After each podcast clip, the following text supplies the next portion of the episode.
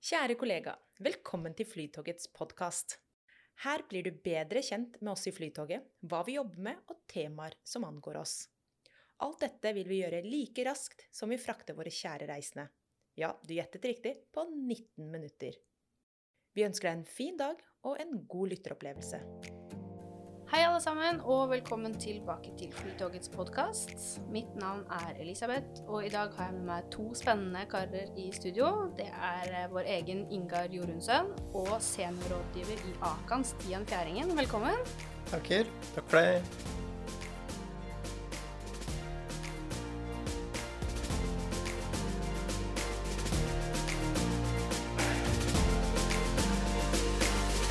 Før vi går i gang med dagens tema, så tenkte jeg vi skulle bare bli litt bedre kjent. Vi kan jo starte med deg, Ingar. Vi kjenner deg litt fra før. Du er sjef for Flytoget Media. Men eh, hva annet er eh, viktig å vite om deg? Ja, det mest eh, viktige å vite i denne sammenheng her er vel eh, poenget med en, at jeg sitter i Hakan-utvalget. Og grunnen til at jeg gjør det, det er for at jeg har en uh, sterk interesse rundt faget i forhold til det med rus på arbeidsplassen og generelt. Jeg har jo selv en bakgrunn fra, fra ja, ikke rusmiljøet, men jeg har jo selv vært aktiv misbruker i mange, mange, mange år. Eh, da er det fort gjort at folk tenker at jøss, en, sånn, eh, en av de narkomane der ute Jeg kunne fort havnet der, men eh, jeg var i full jobb. Og møtte opp på jobben i rusa tilstand, og ingen tok affære. Ingen turte å ha affære. Mm. Og det skal vi ikke snakke mer om. Men det er vel i korte trekk eh, min bakgrunn. Ja. Så kan jeg skyte inn at uh, jeg har da selvfølgelig da vært uh, rusfri i veldig, veldig veldig mange, mange, mange år. Det er viktig å få med seg her. Mm. Det er vi veldig glad for. Eh, hva syns du er det beste med å jobbe i Flytoget? Eh, miljø. Eh, sjelden har jeg vel opplevd, og det mener jeg med hånda på hjertet, noen som er så dedikert og så Som liksom jobber med hjertet utapå drakta, eh, uniformen i dette tilfellet her, som gjør Flytoget. Og det er jo grunnen til at vi har den suksessen vi har òg. Og klarer å smitte den der eh, entusiasmen og den, få den kundeopplevelsen ute på togene våre òg. Det må jeg bare si. Det, folk spør meg ofte hvordan er det å jobbe i Flytoget, du som liksom har jobbet i disse store medieselskapene. Det er eh, det må oppleves. Det kan ikke forklares. Og Stian, vi har jo ikke møttes før. Vi møttes eh, nettopp i heisen her ute. Eh, hva burde man vite om deg? Oi, hva bør man vite om meg? I denne konteksten så er det jo som du sier, jeg seniorrådgiver ved Akan kompetansesenter. Så eh, med en litt sånn allsidig bakgrunn som sosionom, studert litt drama, teater, HR, markedskommunikasjon, eller som har vært i bredden av skalaen. Eh, men jeg får bruk for alt jeg kan. For mm. vi, eh, jeg er jo mye ute og møter norsk arbeidsliv, eh, sånn som hos dere nå, hvor jeg får lov til å komme på besøk. Og så syns jeg det er skikkelig gøy når jeg får til at folk begynner å snakke litt høyt om og reflektere rundt det som kanskje er litt sånn vanskelig eller ubehagelig eller eh, litt usikkert å snakke om, da. Mm. F.eks. rusmiddelbruk og spill, som er litt tema for dagen i dag. Mm. Det kan vi jo egentlig bare hoppe rett inn i. For grunnen til at jeg har invitert dere i studio, som dere så fint har avslørt begge to, det er at vi skal snakke litt om Akan og rus. Eh, Stian, kan ikke du først bare si hva er Akan? Ja. Da tror jeg jeg har lyst til å si at Akan er tre ting. Eh, Akan er Akan kompetansesenter som jeg kommer fra og representerer. Som er eh, partners kompetansesenter som skal bistå norsk arbeidsliv, ledere, kollegaer, medarbeidere til å forebygge og også håndtere det vi kaller problematisk bruk av rusmiddelbruk og spill i arbeidslivet. Og det andre Akan er, det er på en måte den modellen som eh, vi jobber etter, og som vi anbefaler arbeidslivet å jobbe etter. Eh, men kanskje det viktigste Akan er, det er jo det lokale arbeidet som gjøres ute i organisasjonene eh, som eh, Ingar, som er medlem i Akan-utvalget internt her, skal jobbe med. For vi eh, som 16 stykker på et kontor, vi klarer jo ikke å få til alt i norsk arbeidsliv, så vi er prisgitt det engasjementet og den jobben som gjøres lokalt. Jeg tror eh, manges fordom eh, er at Akan det er synonymt med avhold og kjedelige fester. Hva tenker du om det? Du, det tenker jeg er en eh, tidvis godt utbredt myte. Det er ikke noe uvanlig, det. Eh, Vi må drive litt myteknusning. eh, Men Akan kompetansesenter, vi har aldri vært en avholdsorganisasjon. Det å engasjere seg i Akan-arbeidet forutsetter ikke at man selv ikke drikker, f.eks. Og man trenger jo ikke heller å ha den historien du har, Ingar, for å engasjere seg i dette arbeidet. Vi tenker at i hvert fall alkohol da, som et lovlig rusmiddel, det har både positive og negative konsekvenser. Vi er ikke her for å ta fra folk eh, ølen på julebordet eller eh, glass vin eh, i ny og ne, men vi er opptatt av at vi skal være litt bevisst på eh, når går det bra, og når går det ikke bra. Og at vi må bli litt bedre på kanskje stoppe opp og ta tak hvis det skjer ugreie ting, rett og slett. da. Ingar, du nevnte jo litt at du har en eh, fortid.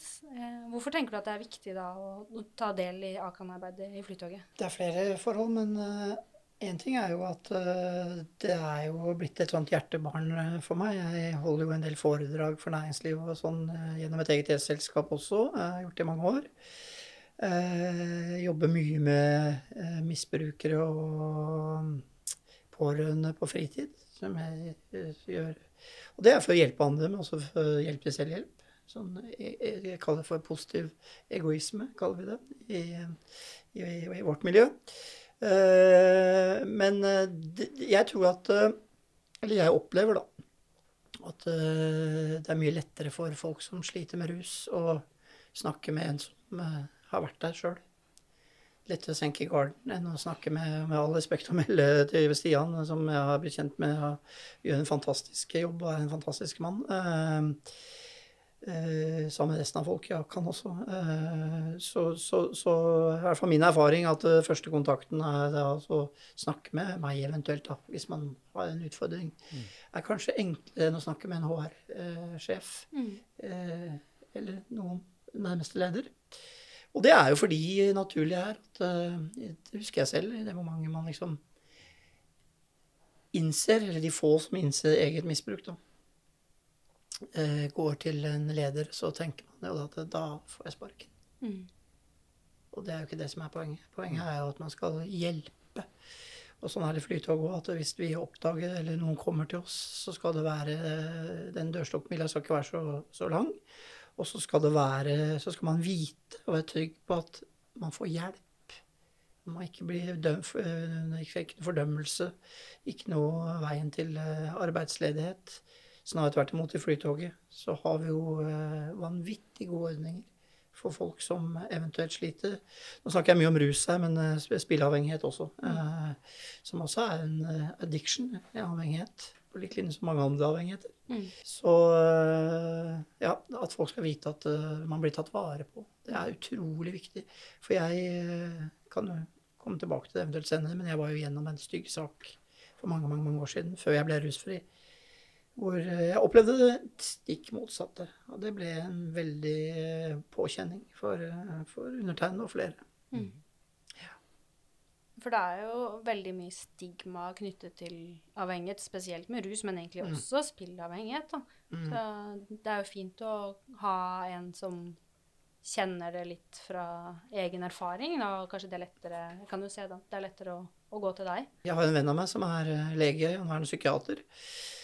Og når vi treffes, så sier han jo det at eh, under hans legestudie, som nå er mange år siden, så hadde vi seks timer om eh, rusmisbruk den gangen. Nå er det økt noe på legestudiet. Men han nå, eh, var overlege på psykiatrien på Ahus. Og han sier at Ingar, nå har jeg sittet og pratet med deg, altså dette kan ikke jeg noen ting om. Mm. Og det er en eh, erkjennelse, eh, og en veldig fin erkjennelse, for det er det inntrykket jeg sitter med også. Når folk som kommer til meg som har vært hos psykiater, psykologer, de får ikke den hjelpen de trenger. Eh, dessverre. Eh, og opplever eh, å nesten ikke bli trodd. Eh, til nei da, du er nok ikke rusavhengig, du drikker bare litt for mye. Mm. Men da man har lagt liksom, hodet på blokka og forteller at man starter dagen med, med x antall enheter alkohol og eller andre ting, så, så får man, møter man at nei, du skal kanskje gå på kurs for å lære å drikke eller ruse deg kontrollert. Vi er litt der. Mm. Men stigma, ja. Fordi folk når de hører om rusmisbruker eh, Du har et visst bilde av hva en rusmisbruker Ja, er. hvis, du, hvis jeg spør folk hva, hva er første bilde Du ser for deg en rusmisbruker. Plata. Heroinist. De du ser her ute i gatene her, er sånn statistisk sett 2-3% av totaliteten. De andre de ser sånn som, som meg, deg og som Stian. Mm. Men vi skjuler det godt inntil man da kommer til et punkt hvor det ikke går an å skjule lenger. Man blir tatt med, med buksene nede, sånn som jeg ble. Ikke i ordets rette forstand, men jeg ble tatt på fersken da. Du sier jo noe om dette, hva ser vi for oss når vi, sant, hvis vi hadde lukket øynene og så hadde vi sagt eh, Du bruker jo ordet rusmisbruker, så er jo ikke jeg så glad i det, for det er bare det ordet i seg selv skaper jo noen bilder, ikke sant? Helt enig. Eh, eh, vi sier, altså Det er jo en grunn til at vi bruker begrepet problematisk bruk av rusmiddelbruk og spill. Ja, vi møter jo de som også utvikler en avhengighet, men i en arbeidslivskontekst eh, Det vi hører mest om, snakker mest om, eh, veileder mest på eh, på vår veiledningstjeneste, det er det vi kaller problematisk bruk. Det vil si at det har begynt å gå utover noe eller noen. Og i en jobbkontekst så kan det handle om sykefravær, fraværenhet i arbeidshverdagen. Det kan handle om at ikke vi presterer eller gjør jobben vår sånn som vi skal. Eller at vi kanskje har en atferd som eh, påvirker arbeidsmiljøet vårt negativt. Eh, kanskje er vi ikke like engasjert. Hvis jeg på en onsdagskveld tar med meg gjengen min og drar og ser på fotballkamp, og så vinner laget mitt, og så ble det to-tre øl under kampen, og så skal vi feire litt at vi vant, osv. Så, kommer jeg kanskje ikke på jobb berusa, men det kan hende jeg kommer på jobb eh, i bakrus og er såpass redusert at mitt fokus ikke er til stede. Eller at jeg kommer for seint. Eller at eh, jeg ikke får gjort den jobben jeg skal gjøre. Og da kan du si at da har jeg ikke et avhengighetsproblem, men jeg har eh, vært i en situasjon som har gjort at det har begynt å gå utover jobb. Eh, og da er det jo ikke nødvendigvis kommet så langt at vi skal ha det hjelpetilbudet som også er viktig. Jeg er glad du påpeker at det fins, for det er mange som ikke engang kjenner til det. Men det at vi da også tør, og kanskje særskilt ledere da, i sitt ansvar, tør å stoppe opp og si du Stian, vet du hva. Eh, det er ikke ok at du kommer på jobb og ikke fungerer. Ikke sant? Og ikke fullfører de oppgavene dine. Og at vi tør å stoppe opp og gi en liten sånn, kall det korreks, da, eller en påminner om at dette er ugreit. Ehm, og det er den type situasjoner vi kanskje veileder og håndterer mest på. Og så har vi selvfølgelig de som utvikler en avhengighet, og som har behov for den støtten og hjelpen. Og da er det jo viktig å si at da er jo det Det er så bra du er tydelig på det, Ingar. fordi at det viktigste måten vi kan få fanga opp folk på, det er hvis vi klarer å skape en trygghet til at hvis jeg får en utfordring, at jeg er trygg nok til å gå til Ingar, eller trygg nok til å gå til min leder og si at du vet hva, kjære leder, nå er livet mitt litt vanskelig. Og det skyldes noe av dette. Jeg vet at vi har noe mulighet for å få hjelp her. Er det mulighet for det? Ikke sant? Og hva er det egentlig Akan-utvalget i Flytoget gjør? da? Hva betyr det at vi har et Akan-utvalg? Jeg syns det handler mye om å liksom, ta vare på, på, på, på mennesker. Vi, vi gjør jo det på alle andre områder. Uh, og det handler ikke bare for meg om eventuelt den personen heller. Jeg har opplevd veldig mange som har snakket med meg, som sier at Ingar, jeg har en søster, jeg har en bror som ruser seg. Eller andre nære relasjoner som gjør at livet blir vanskelig. Å komme på jobb og fungere som man skal. Eh, Det er klart det at hvis man har en, en tett relasjon, så, så, så kan det sette spor eh, hos, eh, hos den personen òg. Så jeg syns det er viktig at de også skal bli sett på samme måte. da. Og vite at eh, vi kan gå og prate med, med Akan, eh, eller folk i Akan, og vite at det blir der. Og at ikke dette begynner å snakkes rundt omkring. At vi må kunne stole på, på, på de personene. Og det er jo alfa og omega for å få dette til. Hvis ikke så øh, faller jo dette sammen som et korthus. Eh, og så baserer jeg litt også på Jeg ble jo da avslørt. Eh, og det var et under at jeg ikke ble Eller at at det var rart jeg ikke ble avslørt før. Men det var fordi at ingen turte og visste hvordan man skulle håndtere dette. Dette selskapet, som er et av Norges desidert største medieforetak, de hadde ikke noe systemer og rutiner, ei heller Akan-utvalg.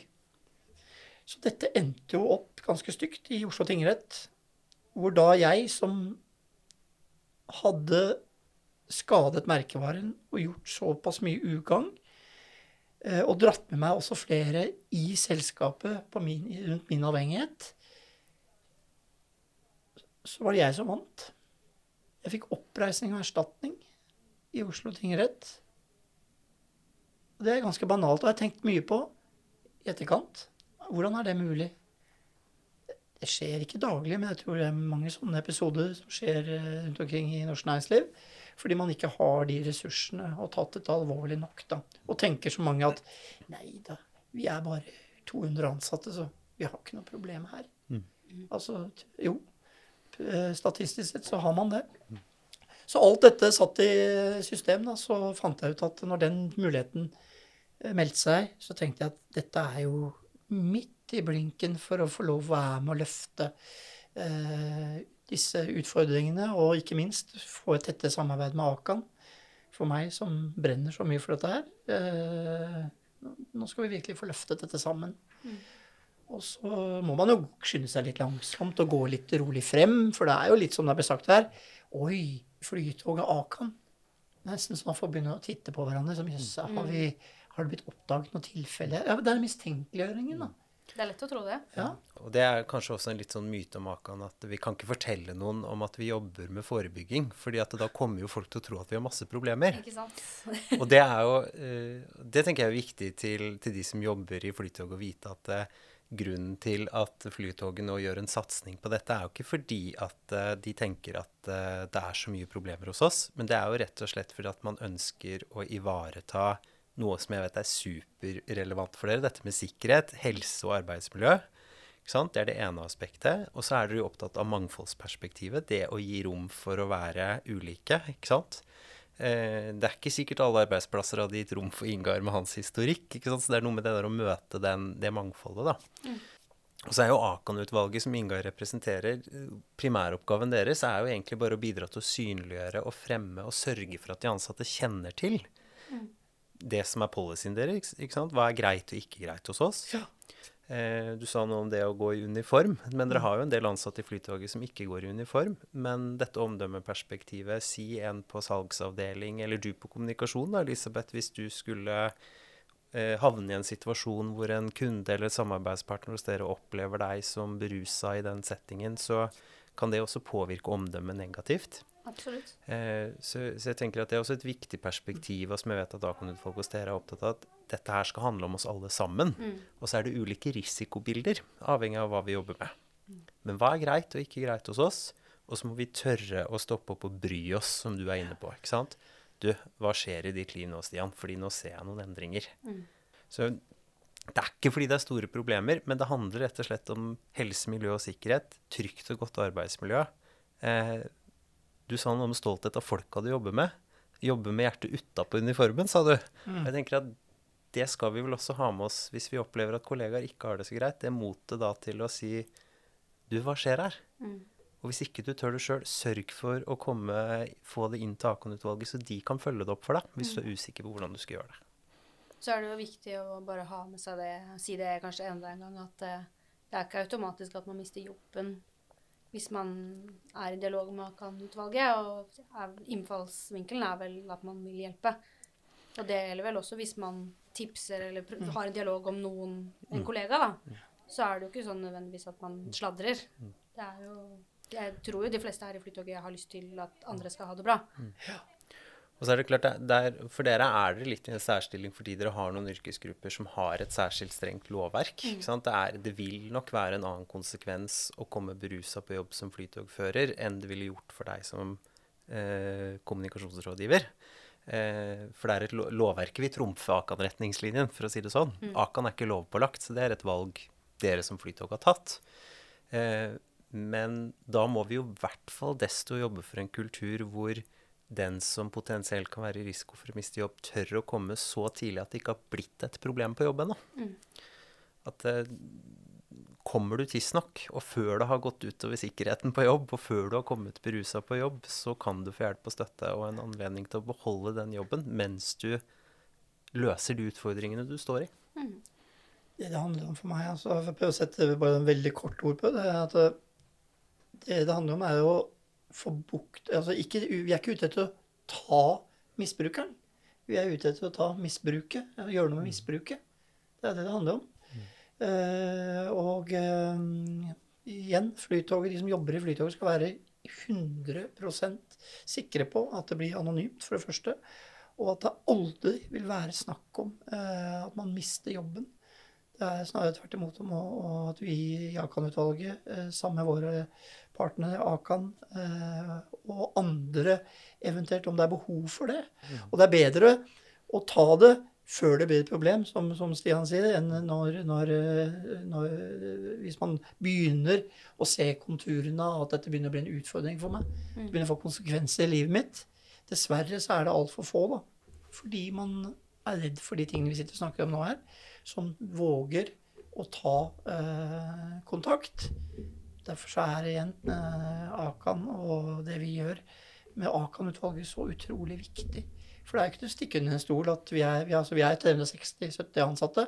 At det finnes folk i dette systemet òg, bare kalle en spade en spade, som har utfordringer, og som kan være i faresonen for å utvikle en avhengighet i en eller annen form. Den er til stede. Vi er ikke noe annerledes, vi heller, enn andre. Jeg tror jeg har lyst til å avslutte som Akan-rådgiver og si da, at jeg eh, Eh, som ikke har jobbet internt. For du sa noe om man må oppleve kulturen her for å kunne liksom sette pris på den. Men de møtene jeg har hatt med eh, de ansatte i Flytoget knytta til denne tematikken, jeg ser jo det hjertet på utsiden av uniformen, og at grunnpilaren i det arbeidet her helt klart for dere handler om å bry seg, se hverandre, omsorg. Det er jo en sånn verdi som jeg bare applauderer. Eh, og så er det jo en oppfordring til spesielt ledere, men også kollegafellesskapet der ute, til å eh, forvalte det eh, ute i driften deres og i hverdagen deres. Tør å stoppe opp hvis du har en dårlig magefølelse. Det kan hende at du ikke har noen grunn til å være bekymra, men er du bekymra, så gjør noe med bekymringen din. Tusen hjertelig takk for at dere ville være gjester i podkasten. Bare hyggelig. Tusen takk til deg. Takk for at vi kom med. God jul, da. God jul. God jul.